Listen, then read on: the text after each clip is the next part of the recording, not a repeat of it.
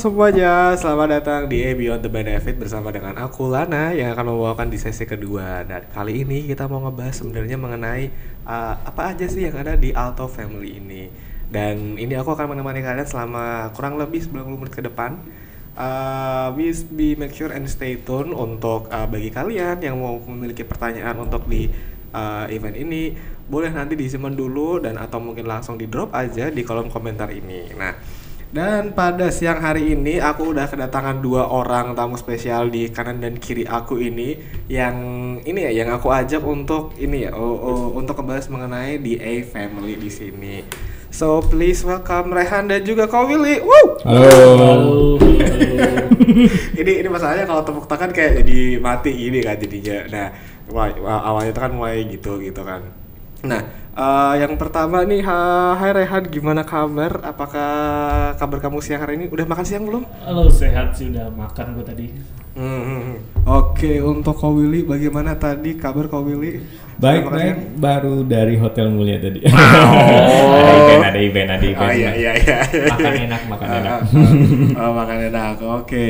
Nah, uh, ini nih sebenarnya ini aku juga penasaran juga nih kepada kalian berdua nih. Uh, aku boleh tahu nggak sih? Uh, tell us your first story nih. Uh, apalagi Kowili ini ya, karena kan sebenarnya Kowili kan masuk sebelum aku ini kan. Dan juga sounds, Rehan. Sounds very old ya. Um, Oke. Okay. uh, gimana sih uh, story kalian ini? Kenapa sih kalian berdua itu decided untuk uh, di Alto gitu? Oh oke, okay. mungkin yang senior dulu ya. ya, oke. Ya. Oke, uh, it's funny story sebenarnya. Jadi um, dulu itu pas uh, I've been working in a company for 11 years, 11 tahun. Oh, oke. Okay. Okay. Kemudian I decided to uh, resign gitu kan. Mm -hmm. Gue pindah ke principal. Nah, mm. cuma pada saat karena gue kerja saking lamanya di sebuah company itu, otomatis relation gue sama Eh, orang-orang uh, yang dulu gue sering deal deal itu masih masih very close lah gitu. Jadi ada beberapa pun yang secara profesional kita kerja sama tapi akhirnya karena deket jadinya walaupun gue udah nggak kerja di situ kita tetap masih keep in touch gitu. Jadi saat pas gue udah keluar dan gue masih uh, keep in touch dengan salah satu uh, salah satu prinsipal uh, HPE gitu. Nah namanya hmm. Lili Linggar nih nah ini mungkin uh, apa penolong gue nih atau dia yang merefer gue akhirnya gue bisa masuk ke Alto oh. karena dari dia gitu oh. jadi jadi saat itu Alto udah jadi customernya dia ah. oke okay. terus gue uh, karena deket otomatis kan gue cerita sama dia eh li gue kerja kayak gini kayaknya gue merasa nggak cocok apa segala macam terus dia bilang oke okay, gimana kalau misalnya gue refer CV lu ke uh, bos IT-nya Alto aja oh, gitu dia bilang okay. gitu kan gue bilang oke okay, kalau lu mau bantu ya udah gitu I'm hmm. open for it gitu jadi gue share CV gue ke dia dia kirim ke bos gue sekarang gitu loh, mm-hmm. Wahyudi Gunawan yeah. gitu. Nah itu bermula dari situ jadi pas dia nge-refer, nah saat itu pun pada saat gue ketemu sama uh, Pak WG, bos gue sekarang sama HR-nya juga saat mm. itu all in, mm. itu saat itu masih exploring. Jadi maksudnya oh. nggak ada posisi pasti dan nggak hmm. tahu juga mau diapain gitu oh, loh iya, iya, iya dengan iya, iya. kualifikasi gue gitu. Hmm. Tapi oke okay, ya udah dipanggil dulu deh untuk dicoba dieksplor gitu, bahas cocoknya di mana gitu. Hmm. Nah, itu bermula dari situ dan akhirnya uh, diputuskan oke okay, uh, eh, kita mau hire lu, lu under IT ya so dan the rest is history. Jadi di bulan November ini pas uh, gue tiga bulan eh tiga bulan gitu tiga tahun di Alto. Oh, tiga tahun di Alto ini guys. Lumayan lama juga ya, kok kayak nggak kerasa udah tiga tahun ya? Nggak kerasa dan nggak tahu ya karena apa pace-nya lumayan cepet ya mm -hmm. kalau di sini ya. I mean like ya uh, kerjaan tentu banyak gitu nggak komplain sih ya cuma ya karena lu enjoy uh, the culture company kemudian uh, sama sesama kolik juga lu nyaman. Jadi nggak kerasa sih. Dan jujur gue juga kaget kalau gue udah eh udah tiga tahun loh gue di hmm, auto gitu hmm, nggak hmm, kerasa. I see I see. Jadi lumayan ini ya. Jadi Kobil itu masuk 2019 2019 November. Oh, iya iya iya. Oke nih, nah terus ini aku juga penasaran juga dengan Rehan ini. Jadi gimana nih Han? gimana sih uh, tell me your story first gitu kan. Gimana sih kenapa sampai lu desain untuk di Alto ini Oke, mungkin gue cerita sedikit sebelum gue di auto, gue masuk di industri yang jauh berbeda banget dari Hmm, sekarang. Gue dulu itu di venture building, gue bikin startup startup dan em, mempersiapkan mereka biar dapat pendanaan. Nah, mungkin beririsan dengan kerjaan gue sekarang adalah pas gue dapet lowongan ini itu auto lagi banyak banget nih berhubungan sama regulator maupun ke Bank Indonesia. Hmm. Nah, gua dulu di uh, venture building, gua itu lebih banyak ngomong ke em, ke PNS, ke Hmm, kementerian, ke lembaga. Nah, gue punya daya tarik yang di mana bisa melakukan persuasi dan meyakinkan mereka lah untuk Iya. oh ini gue bisa um, membantu kalian loh untuk kepentingan kalian. Nah kebetulan Alto membuka lowongan itu dan gue masuk. Dan uh, hal yang menarik adalah selama gue kerja di sini, semua rekan kerja gue di sini, semua teman-teman gue di sini udah kayak close banget. Mereka ngasih input, mereka ngasih feedback dan mereka juga kayak Han lu masih muda, nih kalau lu mau berkembang lebih baik lagi, lebih baik lu menjalankan hal-hal seperti A, B, C, D. Gue dibimbing banget, jadi kayak hmm, I have learned much from them dan itu gue implementasin sampai sekarang sih.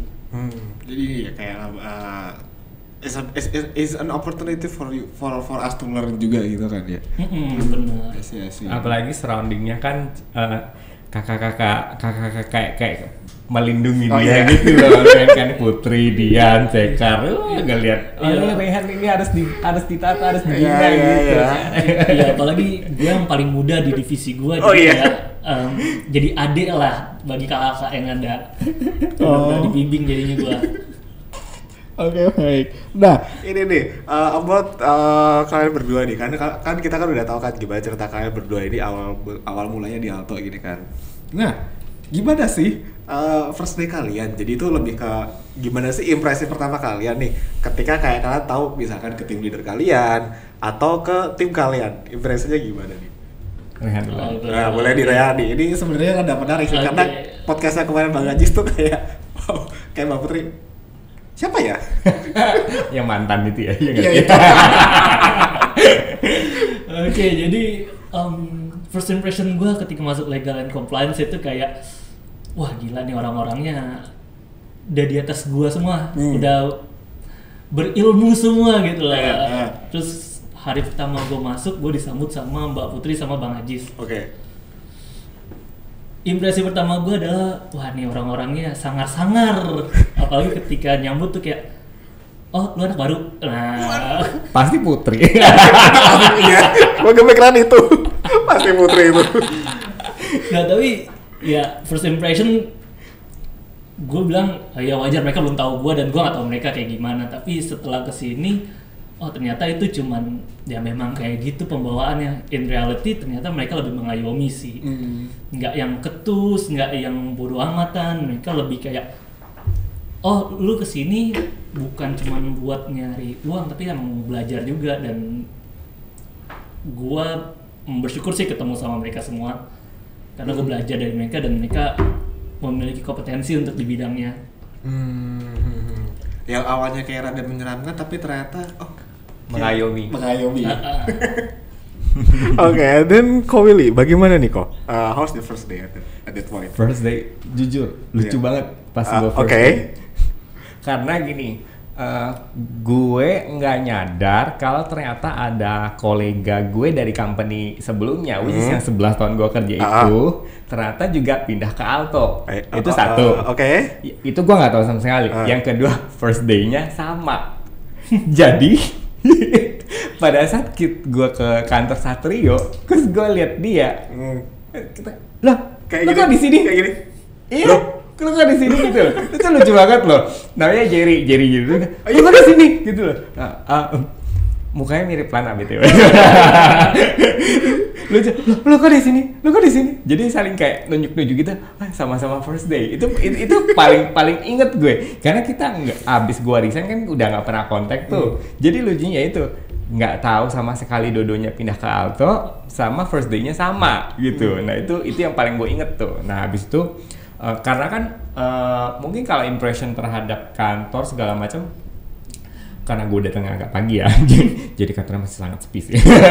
Itu doang yang gue inget satu. Yang kedua adalah karena kan awalnya briefing dulu kan ngambil laptop apa segala Hmm. macam habis itu kan eh, ditanyain eh, lu mau tetap stay di sini atau lu ke base campnya IT karena base camp IT-nya di Menara BCA Hmm, karena kan yang buat apa ngasih laptop pas segala macam Catrio kan. Yaudah Hmm. gue bilang gue ke Menara BCA deh gitu. Yaudah pas ke Menara, Menara BCA gue ketemu lah teman-teman tim dari divisi lain juga gitu. Ada IT ya memang uh, beberapa ada yang sebagian kecil lah gue udah kenal gitu. Karena gue udah pernah berurusan sebelumnya. Karena namanya gue kan udah lama ya main di financial gitu ya. Jadi ada-ada aja lah yang gue kenal gitu. Terus pas masuk juga ternyata ada tim produk yang gue udah kenal gitu dari Arta Jasa sebelumnya. Nggak mau kan sebut brandnya gitu ya. Mas, Iya. ya. kan temen gitu kan. Iya. Eh, lu di sini juga. Terus jadinya deket karena duduknya jadi dulunya dia customer gue sekarang kita sama-sama nih Hmm. jadi end user gitu. Dan fun sih karena saat itu gue kumpulnya sama bareng-bareng tim partnership sekarang sebutnya Hmm, atau ya hmm, mungkin yang AM-nya gitu loh. dan orangnya fun-fun lucu-lucu gitu. Itu everything happens so so quick uh, tapi impressionnya uh, gue merasa gue diterima Hmm. di grup. Karena gue anggapnya kan gue orang baru juga kan walaupun ada yang gue udah kenal gitu. Tapi most of the time uh, most of them gue nggak kenal gitu. Tapi gue merasa gue diterima gitu. Dan uh, gampang lah enak lah masuknya. Nggak ada kak blog ini blog itu apa segala macam. Kayak politikalnya apa segala macam juga nggak ada. Itu everything sangat indah sebelum covid datang. Ya, ya. jadi ya itulah uh, kinda summarize my first day dan impression pada saat gua masuk pertama kali di kantor berurusan sama uh, divisi sendiri maupun divisi orang lain. Hmm, divisi lain. Ya sih ya sih. Nah ini pun juga kayak uh, along the way kan dari yang tadi first day sampai sekarang. Uh, for sure kita memiliki yang namanya kayak teman uh, ngo- teman ngobrol. Istilahnya tuh kayak teman ngobrol di luar kerjaan kantor. Ya, for example, uh, gue sama Bang Ajis ya. Kalau misalkan di acara kayak gini, yang ada tuh pasti bukan ngebahas masalah apa yang mau dibahas, tapi ngalur ngidur sana sini. Expected. That's what happened gitu kan. But uh, who are the person in your team yang uh, kalian itu sering banget ngobrol tapi bukan masalah kerjaan? hmm.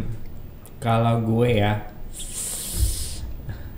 kalau gue dulu mungkin ya, uh, sesama manajer di IT. Mhm. Jadi kan memang uh, ada Agus, ada Henry, ada Yoyo yang lagi di Amerika. Dia lagi di Amerika. Eh kita harus palakin dia itu kok. Apa dong? Oleh-oleh. Oke sama Anto gitu. Jadi eh, karena kita day to day urusannya emang udah kerjaan ya gitu. Tapi karena intens eh, apa komunikasi apa segala macam ya otomatis kalau yang di non office hour ataupun ya di office hour kadang kita juga ngomongnya ngarung dulu ke mana-mana gitu loh. Ada yang ngomong kerjaan ada yang ngomong nggak kerjaan gitu. Nah gua rasa itu yang enaknya ya enaknya gua merasa adalah nggak kalau ngomongnya itu nggak mulu-mulu kerjaan gitu. Loh. karena kalau ngomong mulu-mulu kerjaan tuh stres bawaannya Iya, betul. menurut gue sih gitu. Jadi ada joke-nya apa segala macam nah jadi first ya yang gue deket ya sama sesama I- uh, IT managers ya yang ada di divisi gue gitu. Nah cuma karena gue juga mantan sales ya jadi otomatis gue agak cerewet atau outspoken lah gitu. Jadi mau misalnya mau kenal sama orang atau kenalan sama orang tuh gua nggak akan yang malu-malu. Jadi Mhm. jadi kayak even sama divisi lain pun ada yang gua ter, mungkin termasuk yang dekat lah. Dan uh, ngomongnya mungkin bukan cuma mulu-mulu kerjaan jadi kadang curhat atau apa segala macam. Salah satunya ya sama Putri dari legal Madian gitu. Jadi Iya. uh, nggak muluk-muluk kerja sih. Jadi enaknya ya gua lihat relationshipnya adalah bukan cuma rekan kerja tapi juga uh, kita bisa bahas sesuatu yang di luar kerjaan yang mungkin bisa saling uh, emotional support lah atau memberi semangat apa segala macam. Kayak gitu sih. Oke, and then kalau Rehan gimana nih Han? Dengan Mbak Putri sama Highway itu? kalau gua ceritanya gini sih gua sama bang Ajis tuh em, memiliki kesamaan gitu kalau ngeliat sesuatu kayak dia sangat tahu banyak berita dan gua kadang suka di dites gitu dites Han lu udah denger berita ini belum Han? Nah dari situ dia bilang nah menurut lu gimana nih Bank Indonesia bakal ngapain nah Hmm. tadi gue kayak diuji gitu sama Bang Ais dan kadang-kadang hmm, pembicaraan tuh malah jatuhnya kayak gue tebak-tebakan nih ya bakal seperti A seperti B jadi kita kayak main main teka-teki jadi sama Bang Ajis. Nah, sedangkan gua kalau sama Mbak-mbak legal, Mbak Sekar, Mbak Dian, Mbak Putri, gua sama mereka tuh suka sharing video-video lucu Oh. di TikTok dan Instagram. Jadi kayak ada shit post shit post yang kayak uh, kucing-kucingan, Ah. anjing-anjingan atau yang suka ngaur-ngaur lucu. Nah, itu uh, menurut gua ngedeketin gua sama mereka sih karena oh ternyata gue punya selera humor yang jongkok juga dengan mereka Oke. Eh, dan itu ya gue ngerasakan kedeketannya sih jadinya gue nggak perlu ngebahas kerjaan terus sama mereka dan dalam seling waktu ih ternyata gue punya mm, kesamaan juga baik secara selera humor maupun hobi lah kurang lebih gitu Ini kok kayak gue feelingnya kayak apa yang diomongin Ben di podcastnya Bang Ajis kemarin kok kayaknya bener ya.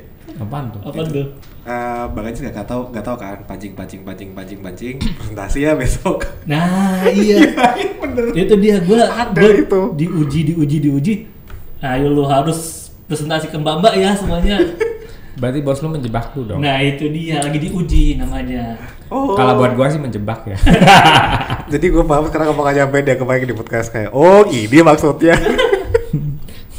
Kalau bos gua beda kalau minta sesuatu. ah. Dia nggak nguji, Oke. tapi yang eh ini ya menurut lu gimana? Nih, nih, nih, nih, udah dijelasin gitu kan. Ah. Terus tanpa dia ngomong apa-apa dia cuma senyum doang. Eh, Oke. Gua langsung nangkep mau gua bikinin deck. pengertian ya tanpa ngomong apa-apa pun dia cuma senyum gua udah tahu maksudnya apa. Bisa Oke. buatin nggak? Lebih lucunya lagi dia pernah nanya, lu bisa bikinin nggak sih? Itu ngomong ya nggak pakai bahasa isyarat. Iya. Gue cuma jawabnya, emang gue bisa bilang enggak? Gue jawab begitu. Antara terpaksa ya sebenarnya kayak ya. Gue langsung tembakin gitu, emang gue bisa bilang enggak pak? Dia ketawa sendiri dong. ya Allah gimana ya? Mau bilang enggak juga kok kayaknya gimana? Mau bilang iya ya ya sudahlah. Ya tapi kebetulan bapaknya fun sih. iya. Sudahlah. apalagi itu fun kok. Pasti nah tapi ini apa aku juga ini kan eh, ber- berkaca dari rehanya juga ini kan. Eh, itu kan pasti kan dalam satu sisi eh, dalam lingkup skop pekerjaan kita kan in our daily day to day gitu kan pastinya kita nggak jauh-jauh dengan yang namanya feedback Hmm. Uh, kita kita tidak bisa memungkiri itu gitu kan. Nah, um, from this point of view, sebenarnya kan bagaimana kita menyampaikan feedback itu kan ada berbagai cara. Bagaimana yang ada namanya itu feedback membangun, ada juga feedback itu yang bersifat kayak uh, mungkin uh, semacam kayak perintah gitu kan. But Hmm. from your opinion, uh, gimana sih? Uh, mungkin ya ini versi kalian gini kan gimana sih cara kalian itu memberikan feedback kepada entah itu kepada teammate atau mungkin kepada tim member kalian oh Rehat dulu aja. Ah, rehat Dulu, ya, gua tipikal orang yang terbuka sih dengan berbagai ide yang muncul cuman terkadang ide itu kan harus lu pertanyakan gimana logikanya gimana eh, mengantisipasi hal-hal yang tidak diinginkan. Nah, itu terkadang gue tanyakan. Nah, dari situ gue berharap ada feedback yang lebih konstruktif gitu. Jadi nggak hanya kayak nggak gitu lu nggak bisa jalanin kayak gini. Kalau mau matikan nantinya buat apa gitu loh. Mending lu kasih feedback yang em, bisa menambah dan memperkaya apa argumen yang dikasih gitu. Hmm, Nah, gue gue lebih suka feedback feedback yang seperti itu ketimbang hanya um, mendiskredit atau menjatuhkan lebih baik ngasih feedback yang konstruktif. Dan itu em, terjadi sih di tim gue yang di mana kita em, ketika nabrak tembok ya kita nyari round-roundnya lagi. Nggak hanya selesai kita nggak tahu nih mau ngapain. Nggak ada kata selesai karena dari eh, regulator nggak bisa nerima tuh. Hmm, hmm, hmm. Nyerah angkat tangan kita harus dari uh, ide yang bisa diterima tanpa harus melanggar nah itu tinggal bagaimana kita melakukan strateginya aja Hmm, jadi kayak lebih ke ini ya. Um, uh, if there has to be a way gitu kan dari tim lu gitu kan. Hmm, oh, oke oke oke. I get it. Nah, kok Willy? Kalau gua sih kalau buat beri apa eh, konstruktif input ya atau Hmm, feedback hmm, hmm. ya, gua sih akan lihat dulu ya apa orang yang gua mau beli feed, beli lagi beri feedback itu tipikal orangnya kayak gimana. Karena gini ada yang gua harus adjust. Jadi kalau misalnya gini kalau orangnya daya tangkap rendah atau yang agak nangkepnya agak slow gitu kayak Pentium 2 Pentium 3 gua akan jelasinnya lebih slow. Dan gua akan jelasinnya bertahap gitu loh. Eh menurut gue yang kayak gini gini gini itu mungkin bisa diperbaiki ya. Gue bilang gitu. Nah coba lu bisa lihat dari cara ini nih gue bilang. Coba lu kerjain yang kayak begini gitu. Mungkin hasilnya akan lebih bagus gue bilang lebih rapi misalnya kayak gitu. Jadi gue ngomongnya bertahap biar dia bisa punya processing power lah untuk nangkep feedback gue itu kayak gimana. Itu satu. Kedua harus bener perhatiin kata-kata lu gitu. Karena gini loh gak mau kesannya bosi memerintah kayak kayak Ya, lu betul, bilang kan betul, kan. betul. memerintah gitu loh. Karena mengapa? I don't gua nggak tahu ya. Menurut gua sih di dunia ini nggak ada orang yang suka diperintah. Menurut gua ya. Yep. dan sesuatu yang dikerjain itu akan lebih maksimal kalau itu datang dari dirinya sendiri bukan karena atas perintah gitu. Karena yang gue percaya yang lu harus lakukan harus datang dari in- inside yourself biar lu bisa lu merasa ada sense of belongingnya lu melakukan tugas itu karena buat gua buat tuh buat kebaikan gua bukan buat kebaikan orang lain atau perusahaan itu gitu loh. Gue sih mikirnya gitu for for myself own value gitu loh. Jadi makanya gua nggak suka yang kayak perintah. Yang mungkin kalau gua saat lagi ke- habis kesabaran ya mungkin Ah, ya. Ya, namanya oke. I'm not I'm not saying juga bukan orang suci ya gitu. Cuma gua akan selalu berusaha untuk memphrase kata-kata gue gitu biar kedengarannya enak dan sopan yang paling penting. mengapa? Karena ya itu maksudnya ya lu perintah atau lu pakai bahasa yang kurang enak didengar juga nggak bagus juga buat diri lu sendiri. Lu akan dicap lu orangnya kasar pertama. Yang kedua lu bisa jadi bikin orang yang dengerin itu juga baper atau dia sedih atau dia stres which is kita juga nggak mau gitu. Jadi ya lihat dari targetnya kayak gimana sama selalu berusaha untuk menggunakan kata-kata yang profesional sopan dan harus konstruktif. Dalam artian adalah eh, input itu buat dia bisa memperbaiki diri dia sendiri, membangun dia sendiri, bukan mengkoreksi dia. Karena kalau mengkoreksi, takutnya dia nggak bisa belajar sesuatu. Karena dia cuma, oke, gue lakukan sesuatu yang salah, dia koreksi gue, gue harus begini ya udah. Karena gue dikasih Ya, ya, tahu, ya, gue ya. salahnya Ya, apa, ya, ya, gitu. paham, paham.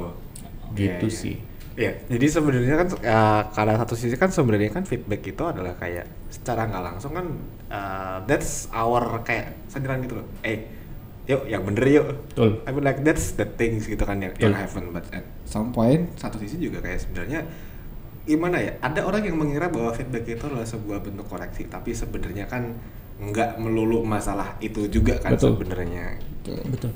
Nah, since uh, ini pun juga kita lagi ngomongin masalah feedback, ada nggak sih feedback dari mungkin dari your own your own entire career atau mungkin yang di Alto, ada nggak sih sebuah feedback tuh yang bikin kalian itu tersadar akan sesuatu kayak tak, oh iya ya, gue ternyata gini juga ya. I mean like, is there some kind of kayak wow moment that you discover something from either your teammates atau your team leader? Oke, Ah, kalau oh, gue, iya deh, gue kalau dulu ya. Gue sih orang lumayan self conscious ya. Mhm. Jadi dalam artian bahwa gue nyadar apa yang gue lakukan. Hmm. Jadi kalau misalnya pas gue dikasih input, eh dari WG misalnya, Hmm. lu kok orangnya pengen ngerjain sendiri semua. Hmm. Sebenarnya dalam hati gue, gue udah mikir begitu. Hmm. Karena gue, ya, gue bisa merefleksikan itu, gitu loh. Jadi jarang sih gue ka- kaget atau apa pas dikasih input karena expected dan memang gua uh, lumayan self conscious lah cuma for some enggak gitu kayak misalnya yang paling lucu nih cerita dikit ya enggak Oke. serius biar enggak serius serius Iya iya iya iya. Ini banget itu gue dikatain galak Oke. sama direktur kita Oh oke. Gretel. Iya iya iya iya iya. Enggak, jawabannya kayak pas cuma chat biasa gitu kan. Hmm. Ya Mila, di di di Alto iklan dikit ya. lu mau yang any level staff apa segala macam, lu bisa ngomong dengan direktur apa segala macam, nggak ada nggak ada barriernya kalau di Alto itu Hmm. enaknya gitu. Nah lucunya pas gua ngomong sama Gretel tuh, eh Will, lu kok galak banget sih? Pas awal-awal lu masuk dia bilang, uh kata-katanya apa segala macam. Terus jawaban gue cuma simpel doang. Emang gue galak? langsung diteriakin lagi lu nggak kerasa Ya, itu yang satu kali gue ngerasa gitu Oke. Di- ada apa di luar capability self conscious gue tapi kalau misalnya yang misalnya kalau soal input atau feedback ya kita harus selalu itu mikir itu something yang expected gue akan terima Hmm. Da- jadi jangan berpikiran bahwa I do everything good uh, semuanya sesuai jadi gua nggak akan dikasih inputan atau feedback Hmm. enggak karena menurut lu bagus belum tentu menurut orang lain bagus gitu dan lu harus expect ada input atau feedback terhadap itu biar lu nya sendiri itu nggak kaget atau enggak kayak suddenly take Hmm, gitu loh. hmm, iya, gue iya, merasa iya, gue udah iya. bagus banget. Iya, nih. iya, iya, Tapi iya, kalau iya, masih ada iya. input, Ah, ah. lu harus always prepare for that. Mengapa? Karena sesuai dengan standar lu belum tentu sesuai dengan standar orang. Gitu. Itu ka- kalau dari gue sih. Hmm, Gitu.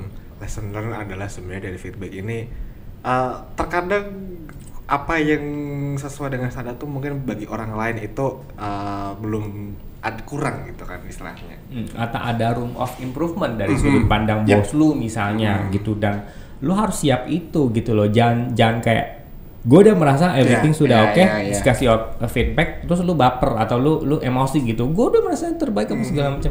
Lu harus prepare itu sih menurut gue gitu loh. Hmm, cie, Gimana lu Han? Apa karena gue kerja kelamaan ya?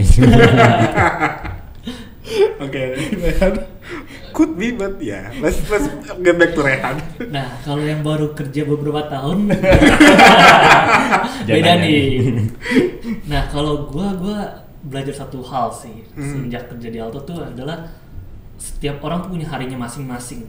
Hmm. Jadi terkadang hari ini mungkin gua kerja bagus, besok bagus, tapi tiga hari kemudian mungkin kerjaan gue tidak selalu maksimal gitu loh. Orang kadang em, moodnya fluktuatif, terus kualitas kerjanya juga belum tentu konstan yang sama. Nah, em, lu nggak bisa memastikan bahwa semua kerjaan yang lu lakukan itu pasti bakal eh, 100 nilainya. Nah itulah fungsinya ada em, checker and maker. Ada yang ngecek, ada yang ngebuat. Dan gue diajarin kalau misalkan lu udah ngebuat dan dari cek jangan pernah em, iya iya aja. Lu harus double checking Hmm. lagi Hmm, gitu loh. hmm. Karena terkadang siapa pun itu nggak luput dari kesalahan. Nah lu harus lu harus memastikan apa yang lu kerjakan itu harus 100% bagus tapi jangan bebankan ke diri lu sendiri gitu.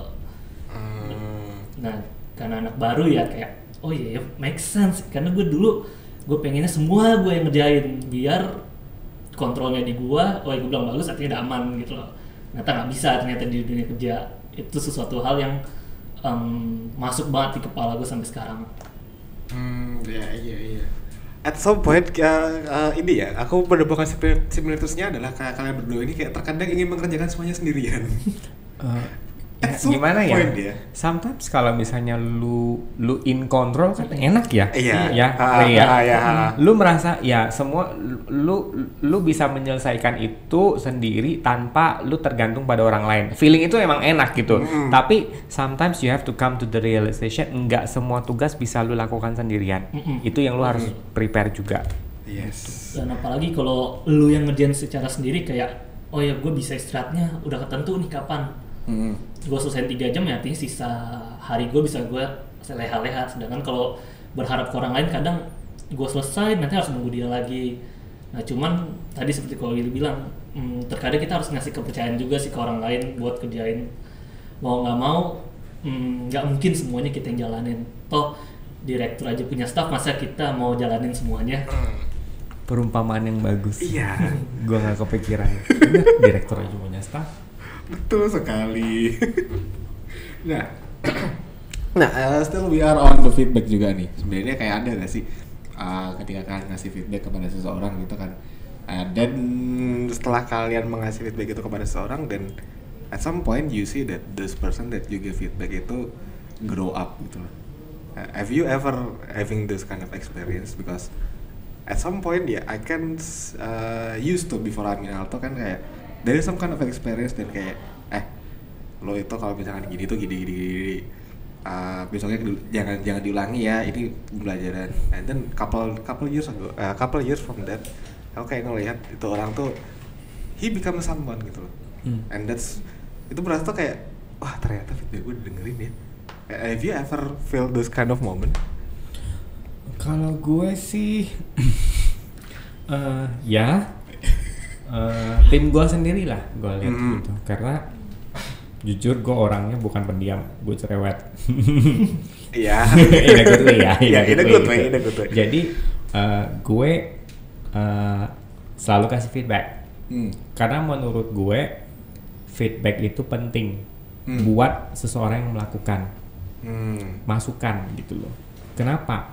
Karena kalau lu melakukan sesuatu tanpa ada feedback apa pun, mau itu baik atau buruk, Hmm. itu yang melakukan tuh merasa kayak oke kayaknya gue I'm just doing a so-so job atau ya I'm just doing my job that's all. Hmm. Karena gue nggak bakal dapat feedback anyway. Dan menurut gue itu nggak bagus gitu loh. Jadi yang gue pelajarin itu adalah yang dan gue aplikasikan ke tim gue adalah apa pun yang mereka lakukan baik atau buruk itu gue akan kasih feedback tergantung dari apa yang mereka ka- lakukan ya bisa konstruktif bisa yang correction gitu tapi tentunya dengan eh, apa nada yang eh, nada bahasa apa sopan gitu karena demi growth mereka buat gue ya gitu karena gue nggak mau adalah gue bisa berkembang tapi tim gue sendiri nggak bisa berkembang Hmm. Hmm. gitu loh karena eventually gue bilang kalian kerja itu harus boost value kalian sendiri Hmm. bukan boost value kantornya buat gua. Ngapa anyway kita employee kita karyawan. Yang lu cari adalah experience. Lu boost value lu biar kalau lu udah ada value otomatis company yang baik akan bisa menilai lu dengan sesuai dengan value yang lu punya. Gitu loh. Itu satu. Yang kedua even kalau sampai lu keluar value lu itu akan Yeah. lu bawa. Karena itu value-nya lu Yeah. bukan value company. Gitu loh. Itu yang uh, selalu gue gue gue terapkan. Jadi yaitu gue orang yang tipikal memang akan selalu memberikan feedback baik atau mau itu feedback baik atau feedback yang kurang baik. Tapi menurut gue itu esensial untuk apa pun yang dilakukan oleh tim gue. Dan gue lihat ada improvementnya di tim gue gitu loh. Dari yang gue sering kasih feedback eh lu uh, mending kayak begini aja ya biar kenapa? Gitu gue akan selalu jelasin. Karena gue nggak mau bikin kayak perintah eh lu gitu aja. No. I will always tell them lu harus begitu karena nah so they can learn something gitu loh. Kenapa harus ngomong kayak begitu? Biar karena begitu. Nah kan mereka belajar gitu. Dan gue lihat uh, as time goes by ya udah udah udah udah bisa mandiri nih. Hmm. dan everything decisions yang mereka ambil udah maksudnya udah sesuai lah dengan apa yang gue pengen terapin di uh, di, di di grup gue gitu loh, di PMO gitu jadi itu yang gue lihat sih gue bisa melihat mereka growth dan gue bisa melihat mereka bisa menerima feedback yang gue berikan dan mereka terapkan gitu sih kalau Yeah, gua. That's for co-Willy team yaitu IT PMO. Oke, ada ada Rehan nih. Kalau dari gua, hmm, menurut gua feedback penting juga sih karena gua sependapat dengan Kau Willy kalau lu cuman nyetor kerjaan dan tanpa ada feedback baik atau buruk ya Hmm. you're doing your job well ya udah gitu aja nggak ada nggak ada input yang bisa lu terima dan em, di compliance kebetulan nih em, gua dengan teammate teammate gua tuh sepantaran cuman beda waktu masuk aja kebetulan gue masuk paling pertama jadi Hmm. jadi kayak anak pertama gitu Yeah. sedangkan yang lain beda berapa bulan Ah. Nah, yang gue lihat adalah gue bisa em, berdiskusi memberikan feedback ke teammate gue dan em, dari sana mereka bisa eh, menyelesaikan masalahnya sendiri. Problem solving itu jalan gitu loh. Karena kalau di awal-awal kita semua kayak meraba-raba nih kayak gimana? Kalau misalkan ada hal yang hal yang tidak diinginkan jalan keluarnya seperti apa? Itu yang em, kita pelajarin. Dan gue melihat sebenarnya kualitas kita itu bukan ketika menyelesaikan pekerjaan kalau menyelesaikan pekerjaan memang kewajiban tapi bagaimana lu bisa menyelesaikan masalah dari kerjaan yang jelek Hmm. Hmm. kalau kerjaan jelek lu bisa selesaikan masalahnya menurut gue itu udah lu udah berkembang banget Hmm. karena dari hal yang lu tidak inginkan lu bisa menyelesaikan hal itu dan gue bisa bilang compliance sudah sangat jauh sih untuk bisa menghandle masalah-masalahnya sendiri secara Hmm. personal Hmm, hmm, hmm, hmm. Wow, combine steam. dalamnya Iya. gue kutip dari Bang Ajis, thank you ya Bang. nggak di copyright kayaknya ada tagi lagi Buset kalau ditagih sih. Oke, uh, since uh, both of you ini kan juga istilahnya uh, from the from the day one we know that from the day one uh, gimana journey kalian kayak you get the feedback and you give feedback gitu kan. So if you were to compare yourself untuk membandingkan kalian diri kalian sendiri, apa sih yang berubah istilahnya itu kayak before afternya nih? Uh, before-nya itu kayak the, the day one kalian masuk and afternya adalah the present day. Kayak what change in your life? Probably kayak mungkin uh, of course skill iya. And then uh, kayak growth mungkin iya pasti. But what change from your life? It can be mindset atau mungkin new behavior mungkin yang kalian dapat ini who's who's going to say first Rehan dulu Gua aja. dulu iya. ya, ya. Oke, gua gua lulus di angkatan Covid Hmm. di 2021. Jadi em, bisa dibilang gua nggak punya pengalaman kerja yang day to day ke kantor gitu loh. Gua nggak merasakan itu dan gua ngerasa oh ya udah em, ke kantor ketemu rekan-rekan kerja ya setelah itu gua putus hubungan gak ada mau komunikasi sama sekali. Nah ternyata gue belajar hmm, dunia kerja tuh nggak kayak gitu. Lu teman-teman lu teammate-teammate lu itu kalau lu ada masalah mereka bisa membantu dan tidak serta merta terkait kerjaan doang. Kadang mereka ngasih em, feedback dia bagaimana lu bisa berkembang lebih baik bagaimana lu bisa meningkatkan karir lu gimana lu bisa bersosialisasi secara baik ngasih channel. Nah em, hal-hal yang itu gua baru tahu setelah gua eh, kerja semi hybrid gitu loh. Kita ke kantor kita ketemu ada bond yang terbangun. Hmm, itu merubah gua sih yang dulunya lebih apatis pengen pulang aja tapi Hmm. sekarang gue lebih bersosialisasi dan malah pengen ngembangin network gua dengan teman-teman yang ada di Alto dan hmm, gue berharap koneksi-koneksi gue ini ke depannya bisa bermanfaat sih buat diri gue sendiri maupun eh, buat lingkungan gue Hmm. Gitu Oke, congratulations for the grow up ya. good for you And good for you Rehan. tapi emang benar sih yang dia bilang Mhm. sih kayak relationship itu yang lu jalin di di dunia kerja lu mau yang orang alto ataupun Mhm. klien lu member apa segala macam itu berguna even sampai lu nggak di alto karena kayak gue Hmm, tadi hmm, hmm. gue hadir di event uh, salah satu vendor HSM gue ketemu lagi ex customer gue Oh. dari Bank BNI Iya iya iya. ya udah lama kita nggak ketemu gitu kan. Masih ingat gue gitu loh. Dia, dia, dia bahkan ingat nama gue dan gue nggak inget temennya. Sorry tapi gue inget mukanya. Pas ketemu gue langsung bapak dari BNI dan gitu gue bilang karena gue ingetnya dari BNI doang. Tapi ya itu yang enaknya karena uh, dulu dia customer kita sering berurusan kita bangun relation bukan cuma urusan jual beli doang gitu loh dia gua Hmm, vendor hmm, dia hmm, customer itu berguna karena bisa aja gue ketemu lagi dia lagi di mandiri dan Hmm, dia mungkin hmm, jadi hmm. member gue nanti kayak gitu jadi ya yang kayak Rehan bilang bener tuh relation tuh benar-benar ada gunanya buat sepanjang karir kita ngapa karena kalau misalnya kita pindah atau apa segala macam itu bisa berguna Hmm. gitu nah balik kalau ke pertanyaan lu tadi ya sorry Hmm. agak deviasi dikit Iya, apa-apa, gak apa-apa kok. Biar kuat fleksibel. ketahuan kan kalau gue orangnya suka ngomong cerewet gitu Iya. Kalau gue, hmm, apa yang gue pelajarin ya? Oke, ada satu hal yang mungkin I realize gitu pada saat gue pindah ke Alto yang gue nggak pernah menyadari sebelumnya. Mhm. Kalau misalnya gue itu pu, at least dari perspektif gue ya, gue nggak Mhm. tahu kalau penilaian orang ya.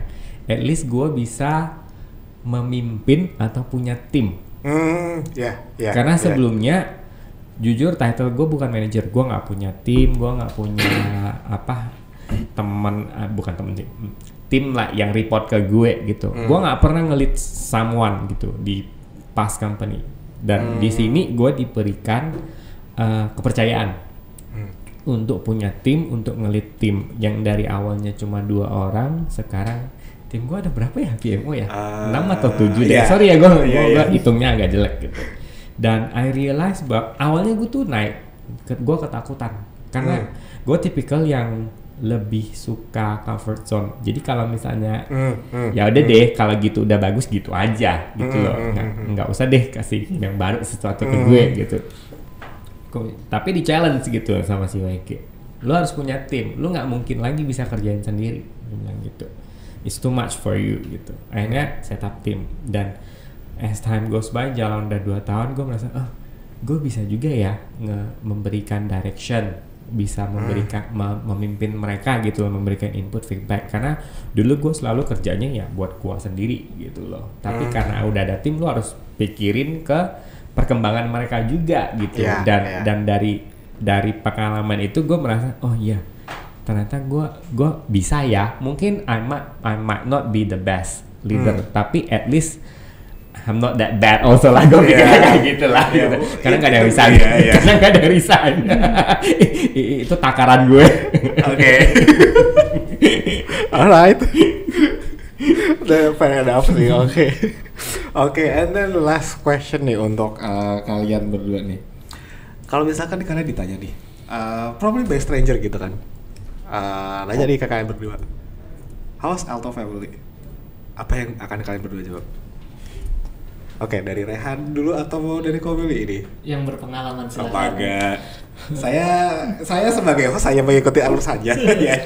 jujur kalau gue ditanyain stranger sih gue akan jalan aja sih takut, di notice enggak lah ya sorry sorry gini Eh, Eh, pertanyaan kalau ditanya sama orang yang lu nggak kenal atau, Atau mungkin, mungkin ya orang atau ada yang dari company ya, lain apa segala macam tanyain tentang soal Alto gitu ya. House Alto Family itu bisa specifically. Gua lihat dulu nih kalau yang nanya orang Indo Oh, Oke, yang akan gua bawa pertama adalah grup BCA dan Jarum oke.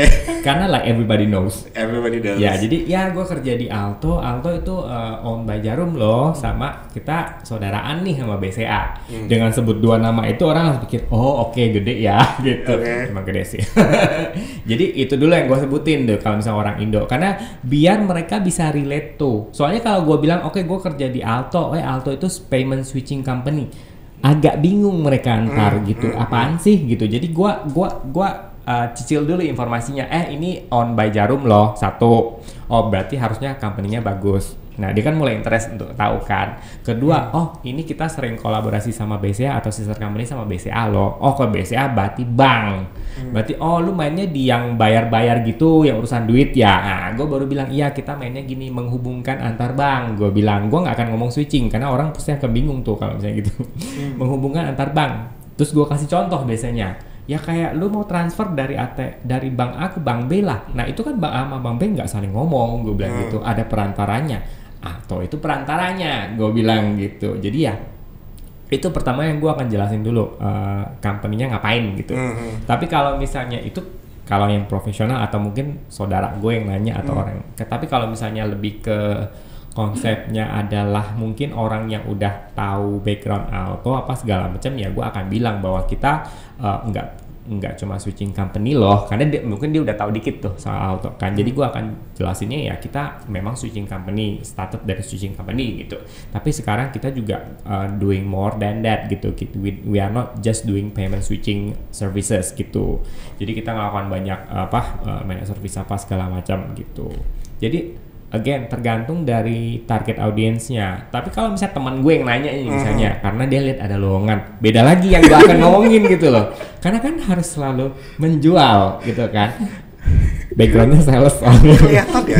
Kebetulan itu kelihatan sangatlah salah sekali kayak Ya. pancing kayak tarik ta- apa kail. Oh ke pancing tarik lagi. Itu tarik lagi. Gue pernah ngomong sama bos gue eh gue nggak tahu ya apa apa orang ngecap gue skill sales gue apa batu kali aja bisa gue bilang itu permata gue bilang orang percaya gitu. Gitu. Oke, jadi lihat audiensnya ya. Tapi kalau misalnya memang orang yang pengen tahu lebih banyak soal auto karena dia interest untuk OP apakah gue bisa kerja di situ misalnya atau misalnya eh, apakah ini is a good company untuk di research apa survei? Ya gue jualannya ya lebih banyak ke ngomongnya value orangnya. Eh nggak ada batasan loh. Kayak misalnya lu mau ngomong sama direktur aja terserah lu boleh boleh aja. Dan itu malah di welcome gitu loh. Dalam artian nggak ada leveling yang membatasi lu untuk ngomong dari staff level ke yang paling tinggi. Karena di auto itu yang bisa lu lakukan. Lu bisa ngomong sama direktur lu bisa minta input dia juga bisa minta sesuatu ke lu gitu loh. Jadi nggak ada boundary. Itu yang pertama yang satu gua akan jelasin itu karena nggak ada boundary. Jadi secara komunikasi jadinya lebih enak. Nggak ada leveling nggak ada birokrasi lah intinya begitu Hmm, hmm. Yang kedua yang gue akan ngomongin kalau buat yang mau apply kerja atau mau Oh iya, silakan, gitu ya. adalah- pakainya bebas loh. Itu yang gue jual gitu. Walaupun hari ini gue pakai pa- pakai agak rapian ya, gara-gara ada event.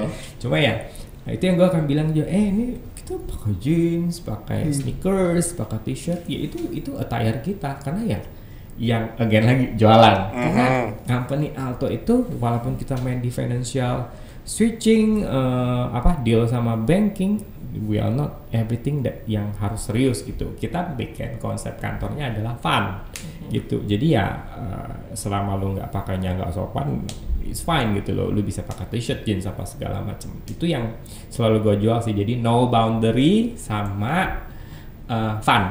Hmm. itu yang gue selalu gunakan. Gue mendeskripsikan auto lah, gitu. Kalau untuk para calon yang mau apply gitu ada ERP-nya soalnya Iya betul dan eh, nanti dulu ya, itu itu, itu diselipin di akhir ini. Butuh rehat dulu nih. Gua hmm, gimana ngedeskripsikan alto? Ya, kalau ke orang asing gua selalu bawa ya alto tuh bagian yang menghubungkan bank satu dengan bank lainnya. Cuman mereka kadang bingung ngehubungin dari kayak apa sih? Nah, ketika gue trigger lo kalau transfer lintas bank kan kena 6.500 nah mereka pasti langsung oh lu yang ngambil duitnya. Nah itu mulai masuk tuh edukasi. Enggak 6.500 6.500 tuh nggak masuk ke kita semua. Ada porsi pembagiannya ada aturannya. Nah dari situ tuh di mulai masuk ceritanya. Tapi kalau orang yang ngerti kayak oh ya kita emang switching company tapi sekarang kita lebih mm, luas nih kita sekarang IT lebih ke IT malah dagangan kita. Nggak lagi cuman uh, fokus ke perbankan. Nah gue ngerasa kayak eh, nama Alto itu udah kayak mm, bukan sesuatu yang seperti Danone, Unilever ataupun mm, H&M yang mana kita lihat sehari-hari. Alto tuh nggak kelihatan banget Hmm. kerjanya gimana. Nah terkadang orang aware ada Alto tapi tidak tahu Iya. bentukannya kayak gimana Bentukannya kayak gimana? ya anda malah taunya merek minuman minuman Ya, ada sih sempat itu. Heeh. kita beda ya beda Bukan, kita bukan itu. awal juga mikir ini tempat minum sih Oke. dan dan karena kita nggak terlihat kan ya gue ngerasa itu tanggung jawab gue untuk uh, memperkenalkan lah setidaknya di mana sih tempat kerja gue dan kayak gimana um, lingkungan kerjanya nah kalau ditanya Alto ada lowongan nggak gue selalu bilang lu cek aja websitenya Alto Betul sekali. Karena- Betul sekali. karena jujur di antara semua lowongan yang ada gue langsung ke website Alto dan itu tidak mau prosesnya cuy Hmm, Uh, hmm. ketimbang gue lewat uh, LinkedIn atau lewat Kaliber itu lama banget sedangkan Alto lewat website menurut gue lebih cepat jadi lu lu, lu apply lewat website kan dulu lewat website Uh. Oh, keren gak? nah terus um, kalau ditanya apa sih value yang menurut gua sangat bagus di Alto? Gua akan bilang fleksibilitas. Karena sampai saat ini gua hampir dua tahun kerja gua tidak dituntut ke kantor setiap hari gua bisa nabung dan gua bisa meluangkan waktu gua untuk hal-hal yang lebih produktif. Karena eh, rumah gue lumayan jauh gue di Bintaro. Oh. kalau tiap hari ke kantor rasanya boncos dan habis energi gue di jalan gue kalau di Alto gue merasa fleksibel gue bisa pulang baca komik pulang bisa belajar Em, ada hal-hal yang bisa gue lakukan tidak semerta-merta di jalanan kena macet gitu.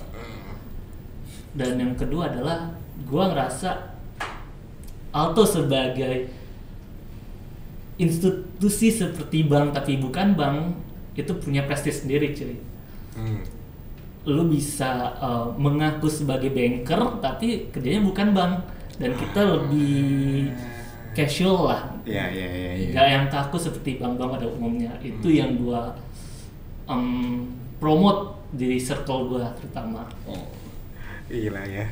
Nah, itu guys. Masalah ngomongin promote, jangan lupa untuk cek website kita untuk ngecek apa aja sih bagi kalian yang mau mau apply di Alto nih. Atau bisa connect ke LinkedIn gue biar gue jadi referral biar gue dapat referral fee. lumayan tuh Nah, atau mungkin langsung aja kontak ke Rehan ini Han yang posisi di legal compliance yang lagi buka apa. Oh, cek aja website Alto. oh nggak langsung lewat saya kalau itu Kalau cek website nggak dapat referral Nah. fee. Oh iya sih. Yang enak kalau referral Iya bisa. Nah ini bagi kalian ini ya yang penasaran nih ah, ada apa di IT, lagi posisi lagi hiring apa ini, atau mungkin di legal compliance lagi hiring apa, langsung saja dikontak ini Willy Ang dan juga Rehan Fadila. Ya benar sih, I mean like uh, dalam kondisi ses mungkin dalam kondisi bisa dibilang pas covid juga mungkin sulit ya, but I mean like banyak yang apa PHK segala Mm. macam, tapi di Alto kita masih hiring itu itu itu gilanya sih Yes. gitu loh. Kita masih hiring sampai bahkan kapasitas kantor kita udah enggak cukup tuh kalau sampai Yes. semua harus ke Yes. kantor. gitu Yes. loh. That's how we grow even during hard situations we still growing and we still have prospects. Mhm. Gitu. Jadi ayo apply di Alto. Di ini habis nih kalau banyak apply di semua referralnya gue walaupun gak sebutin gue.